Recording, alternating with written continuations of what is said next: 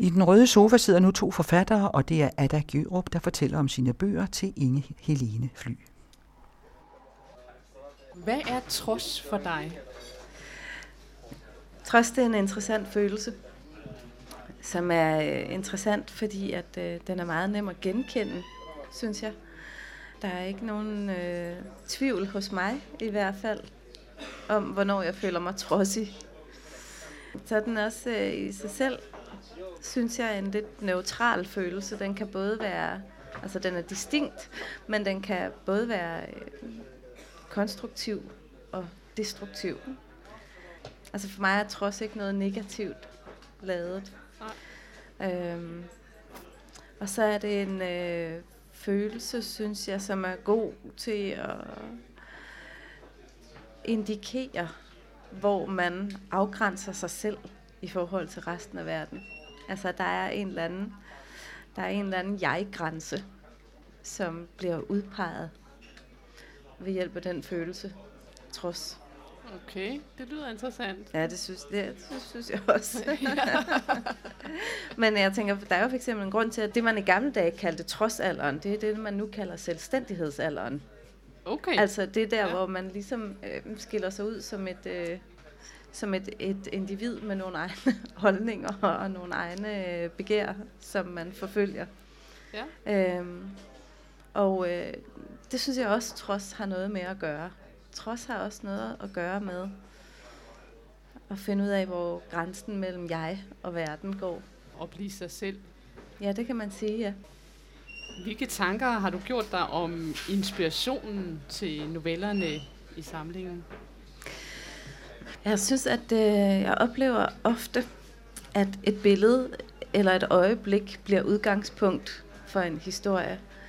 Det kan være et billede, jeg ser i avisen, men det kan også være sådan en ganske lille ting, så som en eller anden gestus, som, øh, som jeg overværer, nogen gøre. Det kan være vifte håret væk fra øjnene, eller sige noget på en bestemt måde. Der er et eller andet, som er emblematisk på en eller anden måde, og så, så bliver øvelsen at forsøge at pakke den her lille scene ud, at forklare den, øh, finde dens baggrund, eller øh, et godt eksempel, det er for eksempel den øh, novelle, som hedder Helvedes Grasier. Den stammer faktisk fra et postkort, som jeg fandt på et lille galleri i Berlin, som forestiller lige præcis fire karakterer, som optræder i novellen. Det ser ud som om, det er taget i 50'erne. Et fotografi. Øhm, fire, fire meget let påklædte damer øh, i sådan nogle varieté-kostymer, som øh, er på vej igennem en fyreskov og så virker de jo sådan helt out of place i de der varieté-kostymer ude i den der fyreskov der. Ja. Og øh, med det billede havde jeg det med det samme sådan, det er en interessant historie. Nu handler det bare om at finde ud af, hvad det er for en historie. Jeg havde også en samtale med, med en, øh, altså om inspiration og om, øh, øh, hvordan sådan nogle kreative processer starter øh, for ikke så lang tid siden og kom til at tale eller tænke på øh, Michelangelo. Han havde jo den her med, altså, at der i enhver sten er en iboende figur. Ja. Og det handler om at finde frem til den figur. Man kan ikke bare sige, om nu vil jeg lave mig en David her, og så gå ud og vælge en tilfældig sten. Det er som om, at man bliver præsenteret for en eller anden materiale i en eller anden form, og så handler det om at finde ud af, det, hvad det er for en iboende form, der er i det her materiale. Og så, sådan tror jeg også meget, jeg oplever et skriveproces. At der er et, et lille glimt af et eller andet, og det er ligesom, øh, hvad kan sige, det er, ligesom, det er ligesom mit materiale, og så skal jeg finde ud af, hvad det er, der gemmer sig inde i det. Ja, det er, hvad hedder det? Det har jeg faktisk ikke hørt før. Øh. Nej.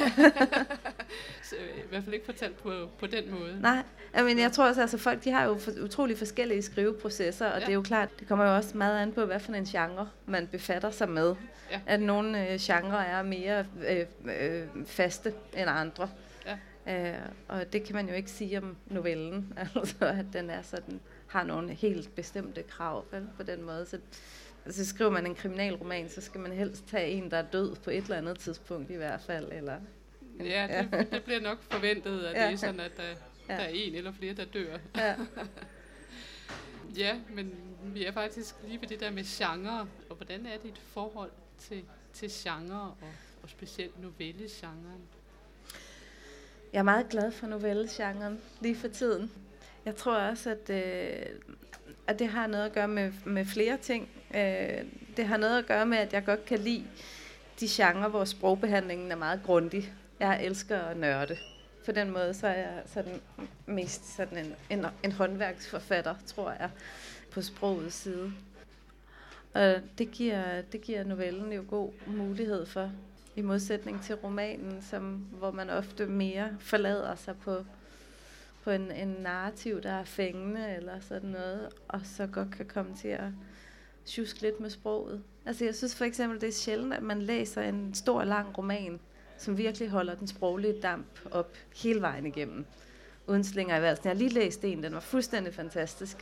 W.G. Siebold, Austerlitz, fantastisk forfatter. Altså. Okay. Men der er man ja. også helt udmattet efter sådan 300 siders læsning, fordi det bare er så stramt hele vejen igennem. Men det, det synes jeg er sjældent, at man ser det, og det, det er det, der ligger bedst til mit temperament, om man så må sige. Ja. Det er den meget grundige sproglige behandling. Nogle af de noveller, du har i, i samlingen her, de er meget korte. Hvad skal man sige, du, du leger meget med, med novellegenren her. Ja. Nogle af dem kunne jeg faktisk godt finde på at sige ikke er noveller. Ja. Øh, hvad tænker du om det?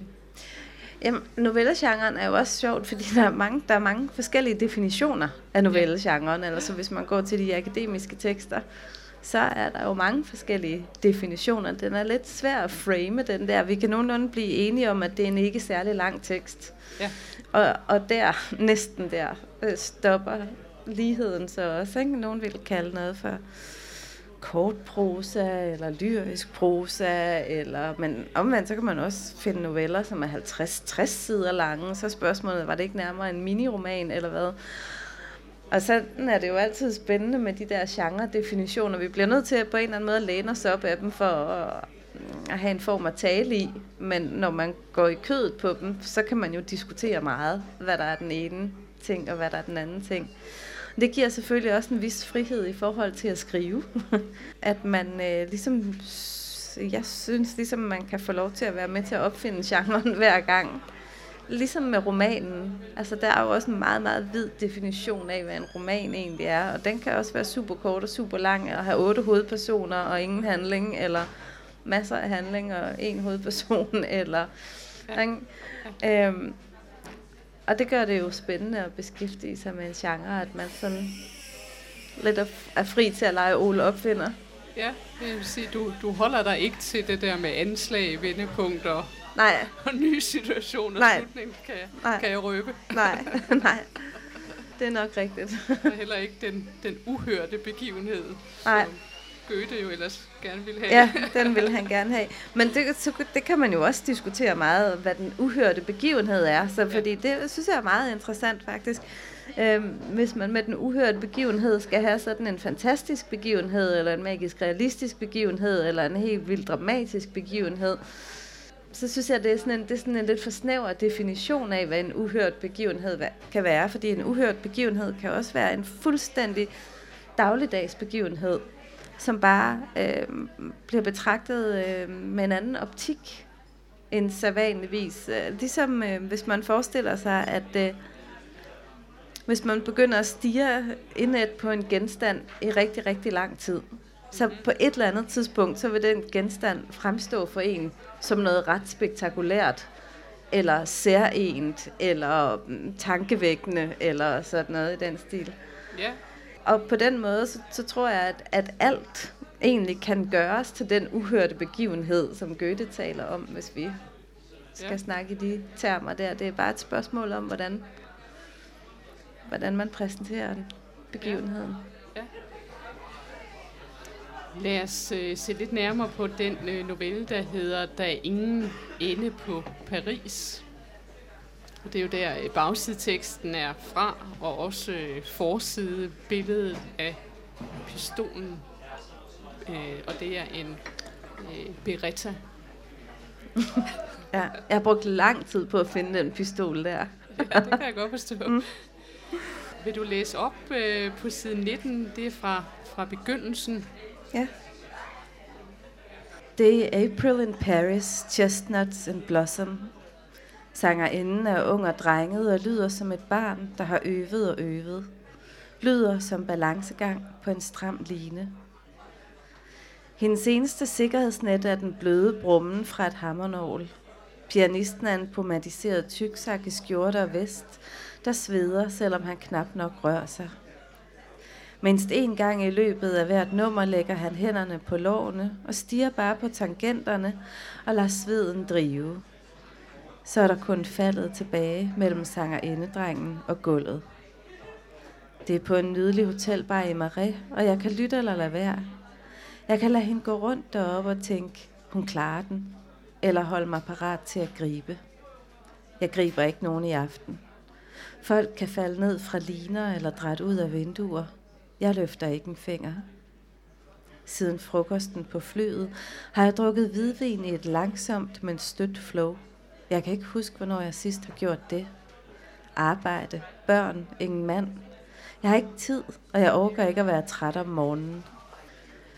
Men nu er jeg i Paris, blæst til af de internationale konferencevenne. Jeg skal sove længe. Jeg skal ikke være nogen steder før i morgen formiddag. Det er hverken tidligt eller sent. Vi er to fremmede, der er landet ved samme bord, og jeg sidder så gerne ved bord med ham. Han konverserer godt, han er smuk og mørk, jeg er hvid og fortyndet. Jeg er en bæk, der klukker, og jeg skal tisse. Vandhanen drøber, toilettet løber, og mit tis risler.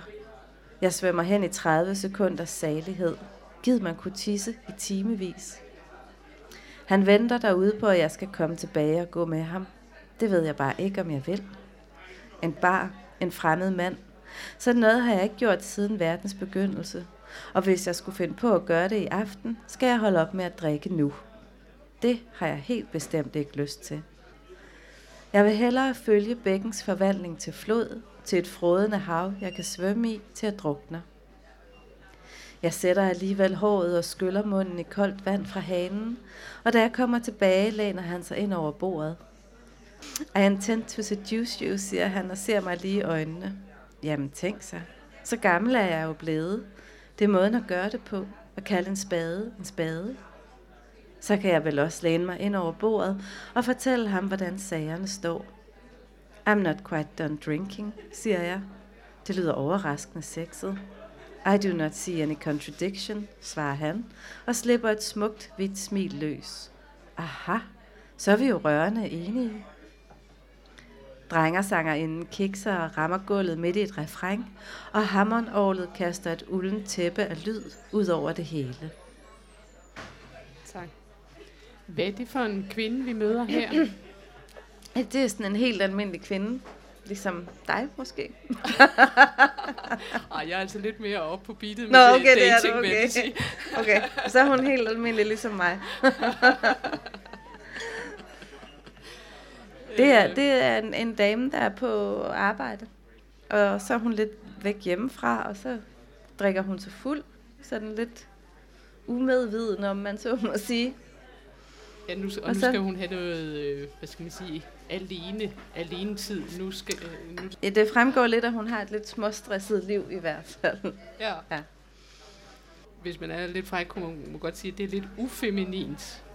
Øh, hvad at drikke sig fuld? nej.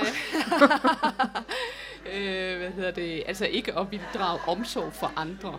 Men altså, nu, Nå. nu tænker jeg kun på mig selv. Øh, ja. Jeg ved ikke, om jeg tænker hende, om jeg tænker hende sådan, om jeg læser hende sådan. Nej. Øhm, jeg tror bare, hun er sådan en, øh, en almindelig, hårdt arbejdende menneske, ja. som er øh, et kort øjeblik væk hjemmefra. Ja. Og så kommer hun til at drikke lidt for meget.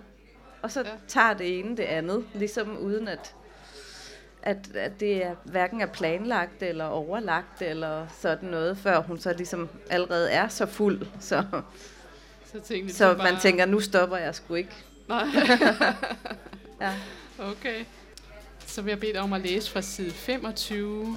Øh, Jeg stiller kaffen fra mig i, i vindueskarmen, og så til side 26 nederst. Ja. Her hun er så vågnet op i et værelse, som hun ikke helt husker, hvordan hun er kommet hen til. Og hun er sammen med den her mand, som hun mødte på barn. Og er altså gået hjem sammen med ham. Og øh, der udspiller sig en lidt besynderlig scene i det her rum.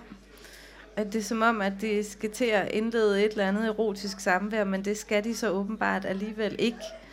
Og så øh, gør han noget, som gør, at hun, hun får en, en, en meget tydelig følelse af, at, at hun er kommet i dårligt selskab. og hun sidder her i en seng, og han befinder sig i den fjerne ende af det her rum. Jeg stiller kaffen fremme i vindueskarmen og skubber mig længere op og sidde. Min bevægelse får ham til at ranke ryggen, kun et splitsekund for hurtigt. Han vender ryggen til mig og åbner den øverste kommodeskuffe. Jeg kan læse hastværket i hans spændte ryg. Jeg kan se hans koncentrerede ansigtsudtryk i spejlet. Han har to hænder nede i skuffens mørke, og jeg ved med det samme, jeg ved det bare, at døren er låst og nøglen lagt væk. Jeg når knap nok at mærke min egen tøven, før jeg har sparket den af helvede til. Jeg glider ud af sengen og tager elkedlen. Jeg er halvvejs gennem værelset, før han kigger op fra skuffen og ser mig i spejlet. Det er for sent. Havet stopper man ikke med et truende blik. Han når kun lige at vende sig, før min tommelfinger trykker låget på kedlen op. Min arm ryger fremad i en bue, og vandet slynges ud over hans mellemgulv. Han krummer sig sammen på stedet. Jeg slipper kedlen, bøjer mig og snupper den blanke ting, han har tabt på gulvet. Drejer 180 grader rundt om mig selv og ender med ryggen mod væggen. Det hele i en perfekt koordineret bevægelse. Jeg løfter armen og retter tingen mod ham. Den er kølig og glat. En dejlig kompakt vægt, der føjer sig lige så fortroligt ind i min hånd, som var det min lille datters hånd. En form, der fortæller hånden præcist, hvordan den skal gribe. En genial form. Og lykke. Han er stadig på benene. Han har rettet sig op. Han siger ikke en lyd. Alting står stille. Undtagen morgensolen, der indtager rummet. Undtagen mit hjerte, der slår roligt og tungt. Dunk, dunk. Står han stille, fordi tingene er lat? Dunk, dunk. Selvfølgelig. Der er en lysten anerkendelse i hans blik. Vi cirkler ubevægeligt omkring hinanden. Dunk, dunk. En lille udvidelse af hans næsebor afslører ham sekundet før han springer, og kuglen smelter blødt ind i hans mørke bryst.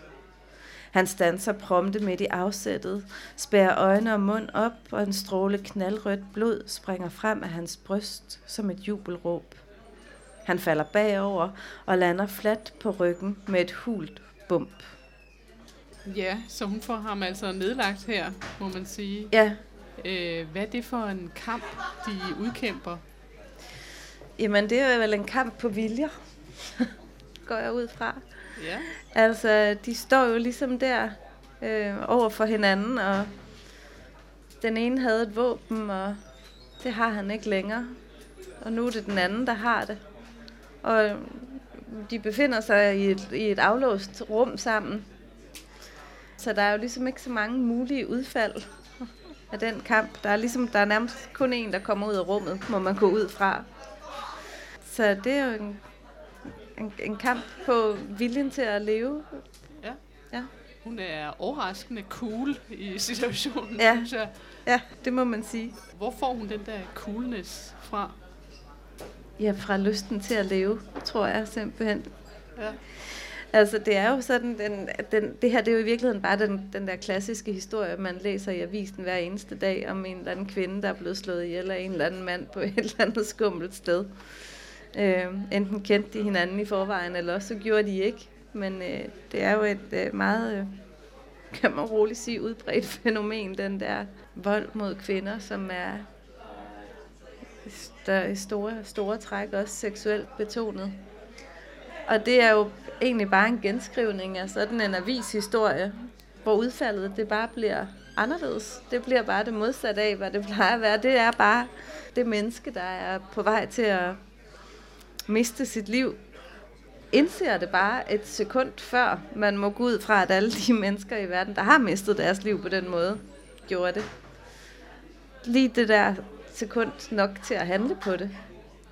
Øhm, ja. ja, fordi øh, ikke nok med, hun opdager det, hun, hun sparker den der tøven væk, ja. og så sætter hun ellers i gang med ja. at handle. Ja. Øh, senere står der, jeg er dagens jæger. Øh, altså det er den kvindelige hovedperson, ja. der, der siger det efter at have nedlagt øh, manden der. Mm. Øhm, så hun har altså forvandlet sig fra at være et offer til ja. at blive jæger. Ja. Øh, ved at bruge sin intelligens, handlekraft og instinkter. Ja, jeg tror måske mest, det er det sidste i virkeligheden. Jeg, jeg tror ikke, der er så meget intelligens forbundet med den her handling hos den her kvinde, egentlig. Jeg ser det mere som sådan en... Det var egentlig det, som jeg synes var spændende at prøve at skrive frem, men det gør jo ikke nødvendigvis mig til den bedste læser af det. Men altså, den, den instinktive handling, den som ikke er overlagt, den som ikke er sådan en, hvor der ikke er et langt resonemang bagved, som hedder, jeg vil gerne leve, og jeg synes, det er rimeligt at forvente, at man ikke slår mig ihjel, og sådan nogle ting der. Men simpelthen det der rene splitsekund, ikke? Hvor, og som måske også er mm, den måde at prøve at, at frame øhm, trods på. Ikke? Trods er jo det der øjeblik, hvor man siger, sådan skal det være, eller hertil og ikke længere, og sådan noget. Og det kan man jo ofte, det, den følelse indtræder jo længe før refleksionen gør det, i virkeligheden. Ja. Øhm, sådan oplever jeg trods. Altså, for eksempel, når jeg er sammen med min datter. Hvis der er trods på menuen, så er der trods på menuen. Ikke? Ja. Vil du have en kartoffel? Nej. Nå, vil, vil, vil du så have noget pasta? Nej. Nå, vil du så, øh, hvad vil du så?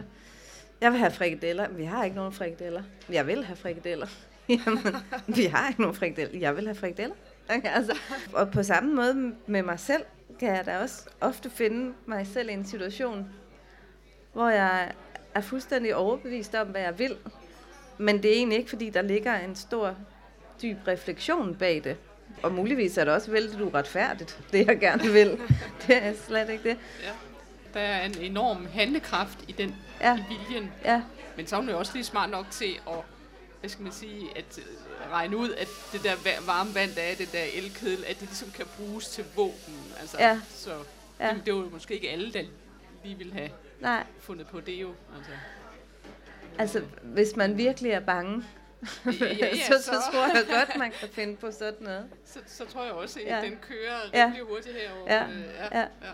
Du sender også lige en, en hilsen til Karen Bliksen der i, ja. ordene, og nu må bagnæssen afsted, ja. efter at hun har ja. skudt ham. Og der er også noget med, at, at hun sådan beundrer lidt øh, altså sådan skudhullet og, ja. og den måde, han sådan ligger på. Og sådan. Ja, og hvad er det for noget?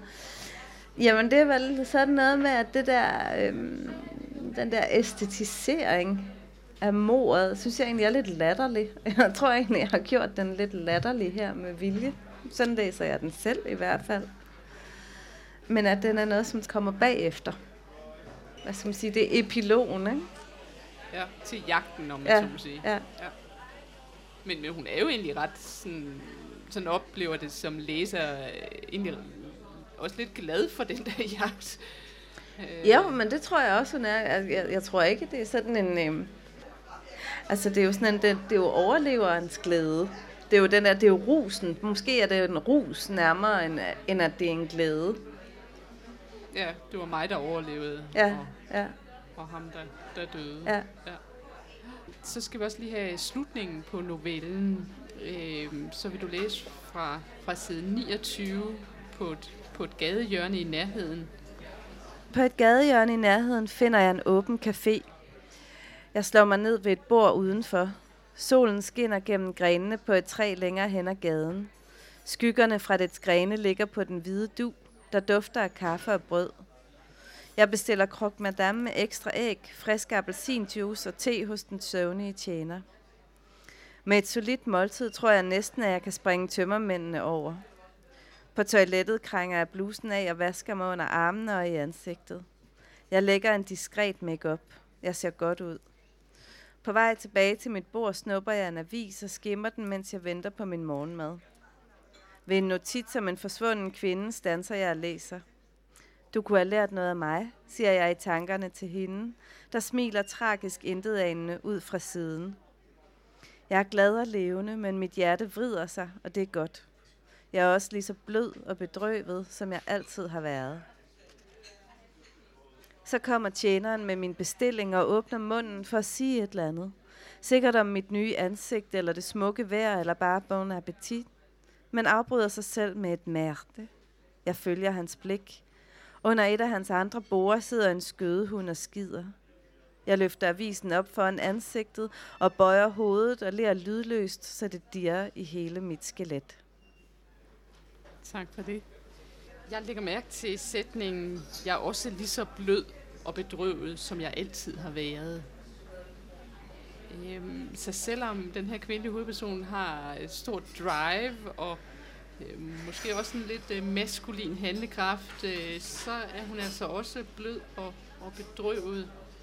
Øhm, hvad, hvad tænker du om hendes personlighed her? Altså for det første, så tænker jeg ikke, hun har en maskulin handlekraft. Jeg tænker bare, hun har handlekraft og, og så tænker jeg, at hun er en, en øh, stadigvæk en, et, et almindeligt menneske, som er lige så blød og bedrøvet, som hun altid har været. Altså at det her, altså jeg, jeg tror, det var meget magtpålæggende for mig at få den her karakter til netop ikke at fremstå som sådan en eller anden, en eller anden glad i låget, øh, øh, nu skal vi have en ny kvindelig massemorder på banen, eller sådan en eller anden, der er lidt tosset, eller lidt øh, øh, ude af ligevægt, men som rent faktisk er sådan et helt øh, almindeligt nedtonet menneske, som blot bliver stillet i en meget, meget usædvanlig situation, og får et meget kontant valg at træffe. Og at øh, den, det, at hun træffer det valg, at hun gerne vil ud af situationen levende, og derfor bliver nødt til at slå et andet menneske ihjel, og også for oplevet den der blodrus, som folk jo efter sine også øh, dels oplever af at slå ihjel, men også over at, at overleve ting. Ikke? Altså det er jo et, øh, endorfinerne får jo ikke? når det går for en, at man kunne have været død tre sekunder for enden. Men at hun på trods af alt det her, er et almindeligt menneske, og det er jo nok, det er det, jeg synes er det interessante ved det, og det kunne man jo godt kalde den uhørte begivenhed, apropos Goethe, ikke?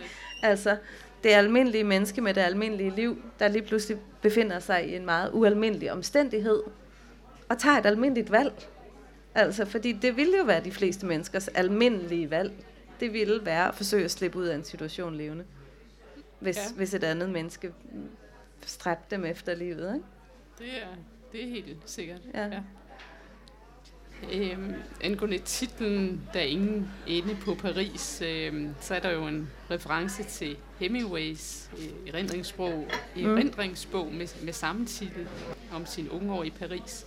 Og hans bog slutter med ordene, men sådan var Paris i vores ungdom, da vi var meget fattige og meget lykkelige. Ja. Og det ligner faktisk meget øh, hovedpersonens minder fra, ja. fra hendes ungdom i Paris. Ja, som er sådan noget gymnasie, dengang ja. livet var. Ja. Uden ansvar og så videre og så videre. Ja. ja. ja. Øh, men siden er der, er der sket meget for hende. Hun mm. er blevet gift og fået to børn og har fået arbejde, og hun er blevet skilt igen. Og så prøver hun i minderne at genopleve sin ungdom i Paris. Mm. Sådan læser jeg det lidt. Og så med den her ukendte mand som, som ledsager og ven, mm. tror hun, tror hun ja. indtil han viser sig faktisk at ville tage livet af hende. Ja. Altså det er jo også en, en utrolig drejning, der sker i den her ja. novelle, fordi hun er da faktisk glad for at have ham sådan med på slæb, om man så Absolut. Sige. Øh, og hun synes, han, han sådan set klarer det meget fint, øh, fordi hun vil gerne sådan sidde de der steder ved bænk, på en bænk og, ja. og drikke noget hvidvin. Og han er med hele vejen, når man ja, ja. så sige. Og så lige pludselig, så, så slår den om der. Ja, det er jo ligesom opbygningen af novellen, at, at ja. Øh, der bliver altså lagt i ovnen, ikke til en thriller, men til en helt almindelig aften. Eller hvad skal man sige, helt almindelig aften er det jo ikke. Men altså, sådan den, den type aften, hvor man går i byen og møder nogen, som man går hjem med, ikke? Det, det sker for mange mennesker hver dag. Altså, det man så ualmindeligt er det ikke, vel? Altså, Nej, det jeg også det er sådan lidt sådan, man møder hinanden tit. Så kan jeg lige øh, fortælle om øh, Ada Djørup, at øh, hun er født i 1972 og har en datter. Og øh, du debuterede i 2005 med digtsamlingen Moncheux øh, monologer. Og i 2007 udkom øh, novellesamlingen Hvis man begyndte at spørge sig selv. Og i 2009 romanen Den mindste modstand med hovedpersonen Emma, digtsamlingen 37 postkort kom i 2011, og så i år novellesamlingen Poesi og andre former for trods, der er vores øh, samtaleemne i dag. Når du kigger tilbage på dit øh, forfatterskab her øh, 10 år efter, hvad springer så i øjnene? Altså det er nok øh, det, at jeg skifter genre tit. Det gør jeg, fordi at jeg synes, at det er svært at skrive to bøger i den samme genre, uden at komme til at genskrive bogen simpelthen. Det er ligesom om, at øh, man kommer ind i en rille, synes jeg, hvor man så begynder at, at gentage sig selv lidt. Jeg gør, ikke man, jeg. jeg. Og det har jeg faktisk prøvet flere gange. Når jeg sådan har, har færdiggjort en bog, så, så begynder jeg at skrive på en ny og så på et eller andet tidspunkt tænkte jeg, gud, det, har jeg ikke lige siddet og skrevet det her, eller hvad? og der synes jeg, at det hjælper at skifte genre. Der får jeg ligesom rystet posen og bliver i stand til at udfolde mig lidt friere. Øh, prøve noget, som jeg ikke rigtig ved, hvor fører hen. Og det er min erfaring, at det er oftest det, der fører til det bedste. Det er der, hvor jeg skriver på nogle formodninger om, hvor jeg skal hen, men jeg er egentlig lidt uden at vide det, eller meget uden at vide det. Og jeg kan godt skrive øh, mange sider, før jeg ved, hvad det egentlig er, jeg, jeg gerne vil nærme mig. Så det er nok bare noget med, at nu har jeg efterhånden skrevet så længe, så jeg begynder sådan at kende min arbejdsform. Det tror jeg, at øh, det tager de fleste mennesker nogle år at finde ud af, hvordan de egentlig arbejder, og hvordan de egentlig arbejder bedst. Og hvis jeg sådan ligesom skulle holde mønstret, så skulle jeg så skrive en roman nu. Så ville det gå sådan digtsamling, novelle, roman, digtsamling, novelle, roman. Men det, det tror jeg ikke, det bliver til, fordi jeg har simpelthen så lidt tid til at skrive. Og det med at, at begive sig ud i et stort projekt, uden egentlig at have tid til det dagligt, det er svært. Altså, resultatet bliver altså ikke det samme hvis ikke man kan fordybe sig i stoffet og, mm, og tage de livtag med det, man engang imellem skal tage med det. Så jeg tror måske, nu har jeg har faktisk lige skrevet en roman, men jeg har, har smidt den ud, fordi jeg ikke synes, at den blev god nok. Og, og det tror jeg simpelthen var fordi, at jeg var for gang, i gang med den for lang tid. Altså jeg havde for meget øh, lønarbejde ind imellem, som, og for meget børnepasning og alt det der, man nu skal. Så jeg havde simpelthen for lidt tid til at skrive. Så den, jeg mistede momentum.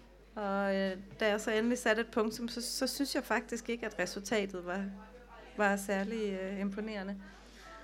Øh, så derfor så besluttede mig for at arkivere den lodret. Men så kan man jo sige, så har jeg jo også skrevet den. Så derfor så må jeg godt skrive nogle flere noveller nu, hvis det er. og det tror jeg, at jeg vil. Fordi det med at kunne afslutte en tekst inden for nogle, nogle måneder, måske to-tre måneder, eller sådan, tager det mig at skrive en novelle. Det gør, at, at den, det, det giver den en anden kvalitet. Altså. Jeg tænker på, om du kan pege på nogle temaer, du, du kredser om i, i dit forfatterskab. Der er i hvert fald noget med normalitet øh, over for ja. galskab. Ja, det er rigtigt. Jeg er nok, øh, jeg har optaget af, hvor, hvor, hvor grænsen mellem normalitet og galskab egentlig går. For eksempel, så synes jeg jo, umiddelbart, så tænker man jo, den novelle, du har valgt her, at et menneske, der slår et andet menneske ihjel, er rimelig galt. Og, og også i den grad sådan ligesom, du ved, går til modangreb. Men øh, man kunne lige så vel sige, at det er meget almindeligt, ikke? altså, men man kunne også sige, at det er også ret vildt at gøre det. Altså, det vil jeg også selv tænke. Og de der situationer eller karakterer, som det sådan er lidt det svært at frame som enten tosset eller normale. Der er også en, en, øh, en lastbilchauffør her i en af novellerne, som, som giver en, han kører med slagtesvin, og så falder han for fristelsen til at smule noget coke, fordi at hans liv er ret elendigt, og han savner nogle penge og kunne ligesom komme videre. På, på et tidspunkt, så kan man sige, det slår lidt klik for ham, og han, øh, han ender med at give det der coke til de her svin, og så slippe dem løs på, på en golfbane faktisk. Og det kunne man sige, jamen det er, jo, det er jo helt galt, fordi det er jo stik imod al logik, det man skal gøre, hvis man kan vil slippe afsted med det. Men omvendt, så kunne man med en anden optik sige, det er faktisk her, han bliver normal. Altså det er faktisk her, han begår, om man så må sige, en handling, som giver, som giver god mening, og som på en eller anden måde måske også er mere etisk, end det han ellers var på vej til at befatte sig med. Altså yeah, det, det er yeah. sådan lidt, altså man kan anlægge forskellige optikker på det og sige, ja, set udefra er det måske helt tosset det her, men set indenfra er det måske noget af det mest normale, han gør i løbet af historien. Ja, jeg synes i hvert fald som, som læser, at det føltes godt, da han, da han lukker grisen ud der på, på golfbanen. Der er sådan et eller andet, noget frihed, mm. øh, ja, øh, noget retfærdighed. Øh, ja. ja. ja. Så, så det kan jeg sagtens følge dig i. Ja.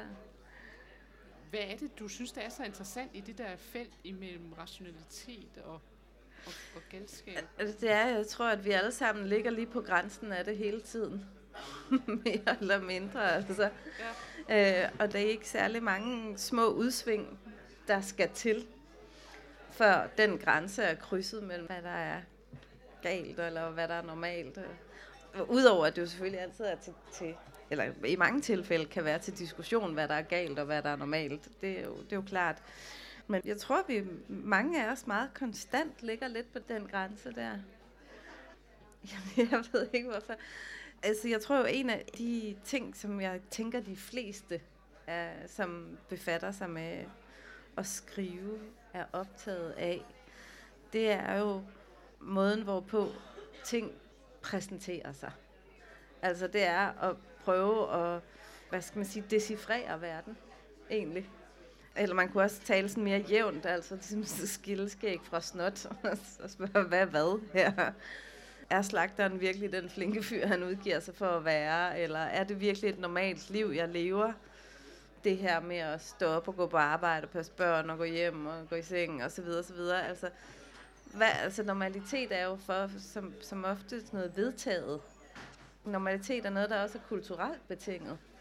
Og derfor er det jo, det er jo altid interessant at gå i kødet på noget af det, som vi betragter som konstanter. Og så spørge, men er det virkelig en konstant, og hvorfor er det en konstant?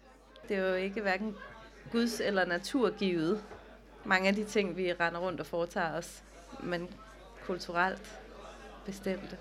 Ja, det, det synes jeg, du har ret i. Også øh, altså, hvis man tænker på alle de øh, diagnoser, der bliver, bliver givet i dag. Det gjorde man jo ikke for, for 30 år siden. Så springer vi lige til, hvad hedder det, hvilke forbilleder har du? Og her tænker jeg både sådan på litterære forbilleder eller, eller andre forbilleder. Hvad mener du med andre forbilleder?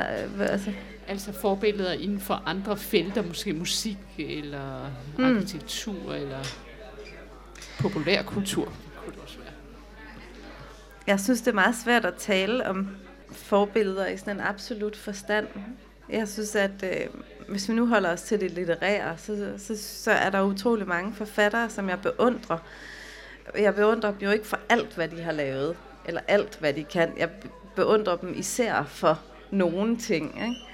Og ikke sådan specielle bøger, men altså en speciel måde at gøre et eller andet på. Det kunne være en, der bygger nogle sætninger, som jeg synes er helt fantastiske, eller, eller en, der beskriver et bestemt emne på en helt utrolig interessant måde. Det kunne være en særlig form for grundighed, eller en særlig form for lyriskhed. Eller, altså, det kunne være så mange ting. Øhm, jeg kan ikke rigtig komme i tanke om nogen sådan forbedret. Det, altså, så skulle det være sådan noget Mother Teresa-agtigt noget. Det synes jeg til gengæld er helt utroligt folk, der viger hele deres liv til bare være noget for andre. Ja, og så kan jeg komme lige nu i tanke om utrolig mange antiforbilleder. okay. Hvad hedder det? En af novellerne hedder To the Lighthouse. Og det, ja. det er jo øh, en roman, der ja. er skrevet af Virginia Woolf. Ja, det er rigtigt.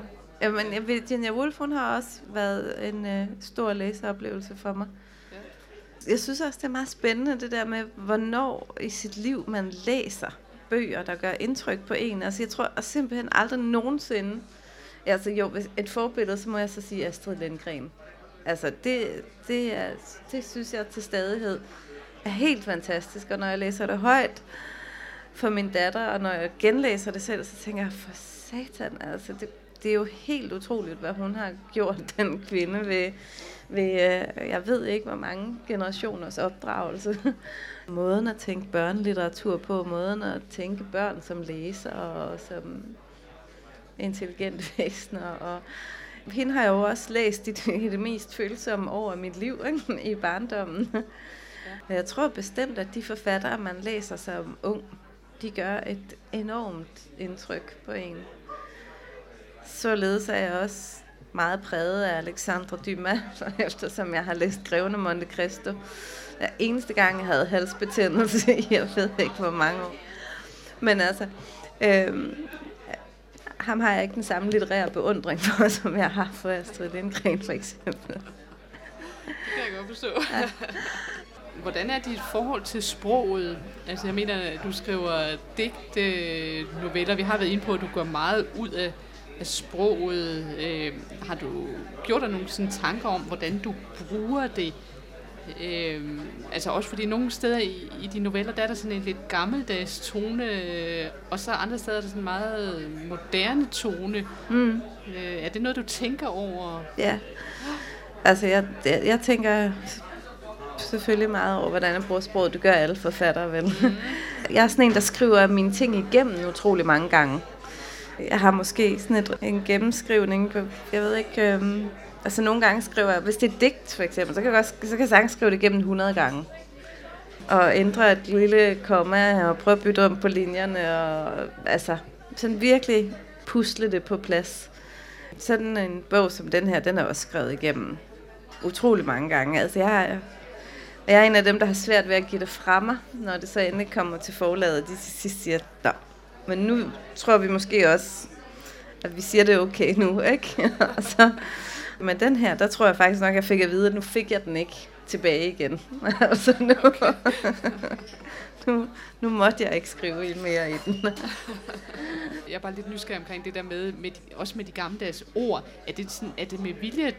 Altså nu tænker jeg sådan, nu skal, der, nu skal jeg have nogle gammeldags ord ind her, eller eller det er ikke noget, du tænker over? Sådan? Nej, altså det er ikke sådan noget, jeg tænker, at der skal være sådan et et gammeldags ord, fordi der skal være et gammeldags ord. Jeg synes, det kommer meget an på de karakterer, der er i... Øh, og hvordan de, de kunne tænke sig og opleve verden, og hvad for en tid de er fra, og så videre. Jeg synes, at øh, det er jo det middel, man har, når man skriver, øh, skal prøve at skrive en karakter frem, for eksempel. Det er at give det, den karakter et sprog. Altså, så kan man betragte en karakter udefra, og sige, ja, sorte bukser og blå sko og så videre. Men måden et menneske taler på, er jo det, der ligesom er kernen i, i, i den, den litterære gestaltning.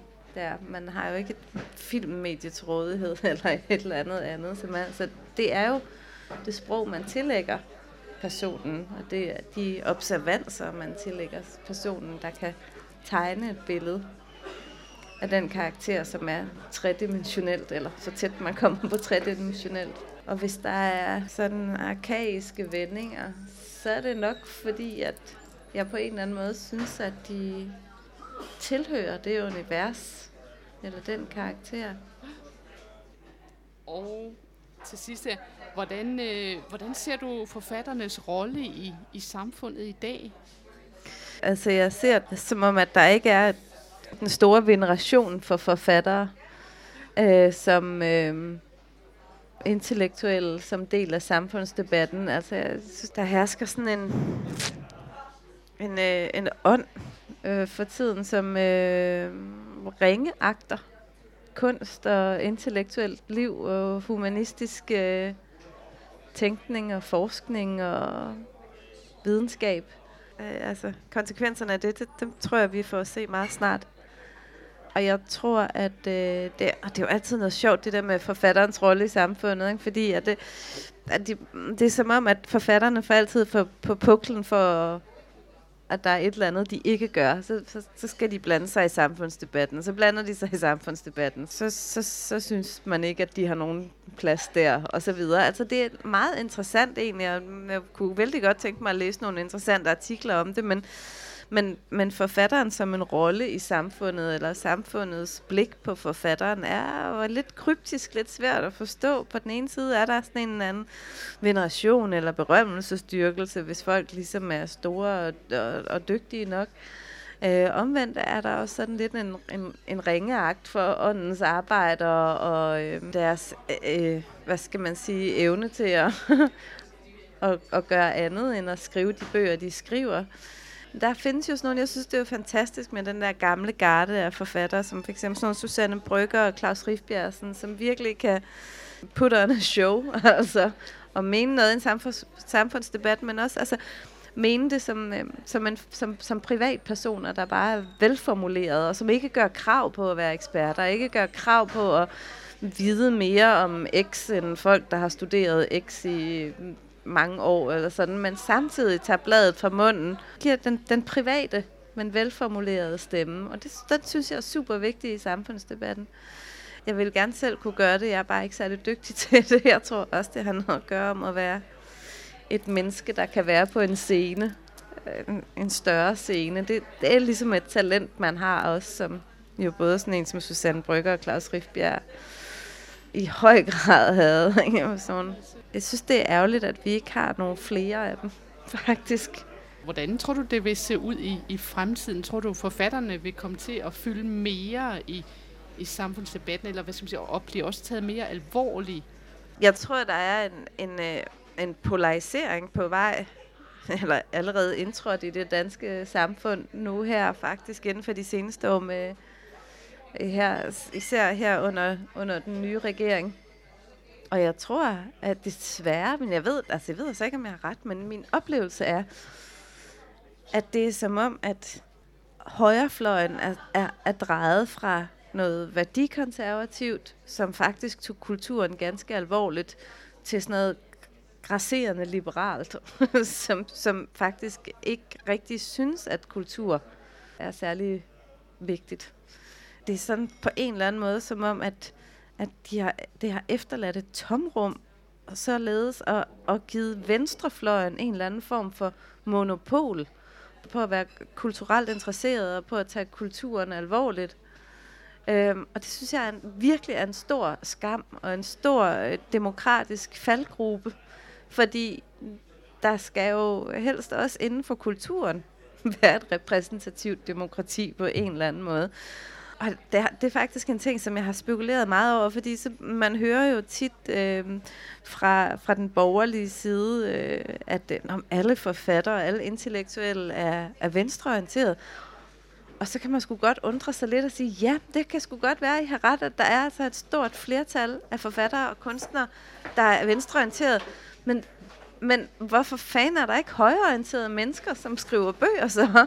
Eller skriver, altså sådan en, hvad med en god, god, en god højreorienteret debattør, eller en Susanne Brygger, eller en Claus Riffbjerg, eller sådan en eller anden.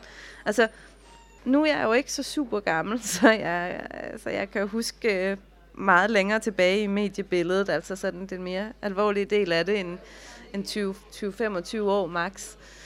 Men hvor er de store højreorienterede debattører, og hvor, hvor var de før det? Altså, jeg kan ikke umiddelbart komme i tanke om nogen. Og, og det, jeg synes, det er frygteligt for et helt samfund, hvis det er sådan, at en politisk overbevisning skal få patent på et bestemt område, som derefter så skal ringeagtes af de andre, fordi de ikke genkender sig selv i det. Det er jo mm, altså frygtelig spild af åndelig øh, potentiale i et samfund, synes jeg. Det kunne være, at Venstre regeringen, de skulle lave en forfatterskole for højreorienteret eller noget, så hvad der kom lidt gang i den. Det skulle da være skideskæg. I Ringkøbing. ja, med, med disse sådan lidt åbne spørgsmål, så, så slutter vi her. Og, og tak for svarene til ja. Ada Djørup. Selv tak.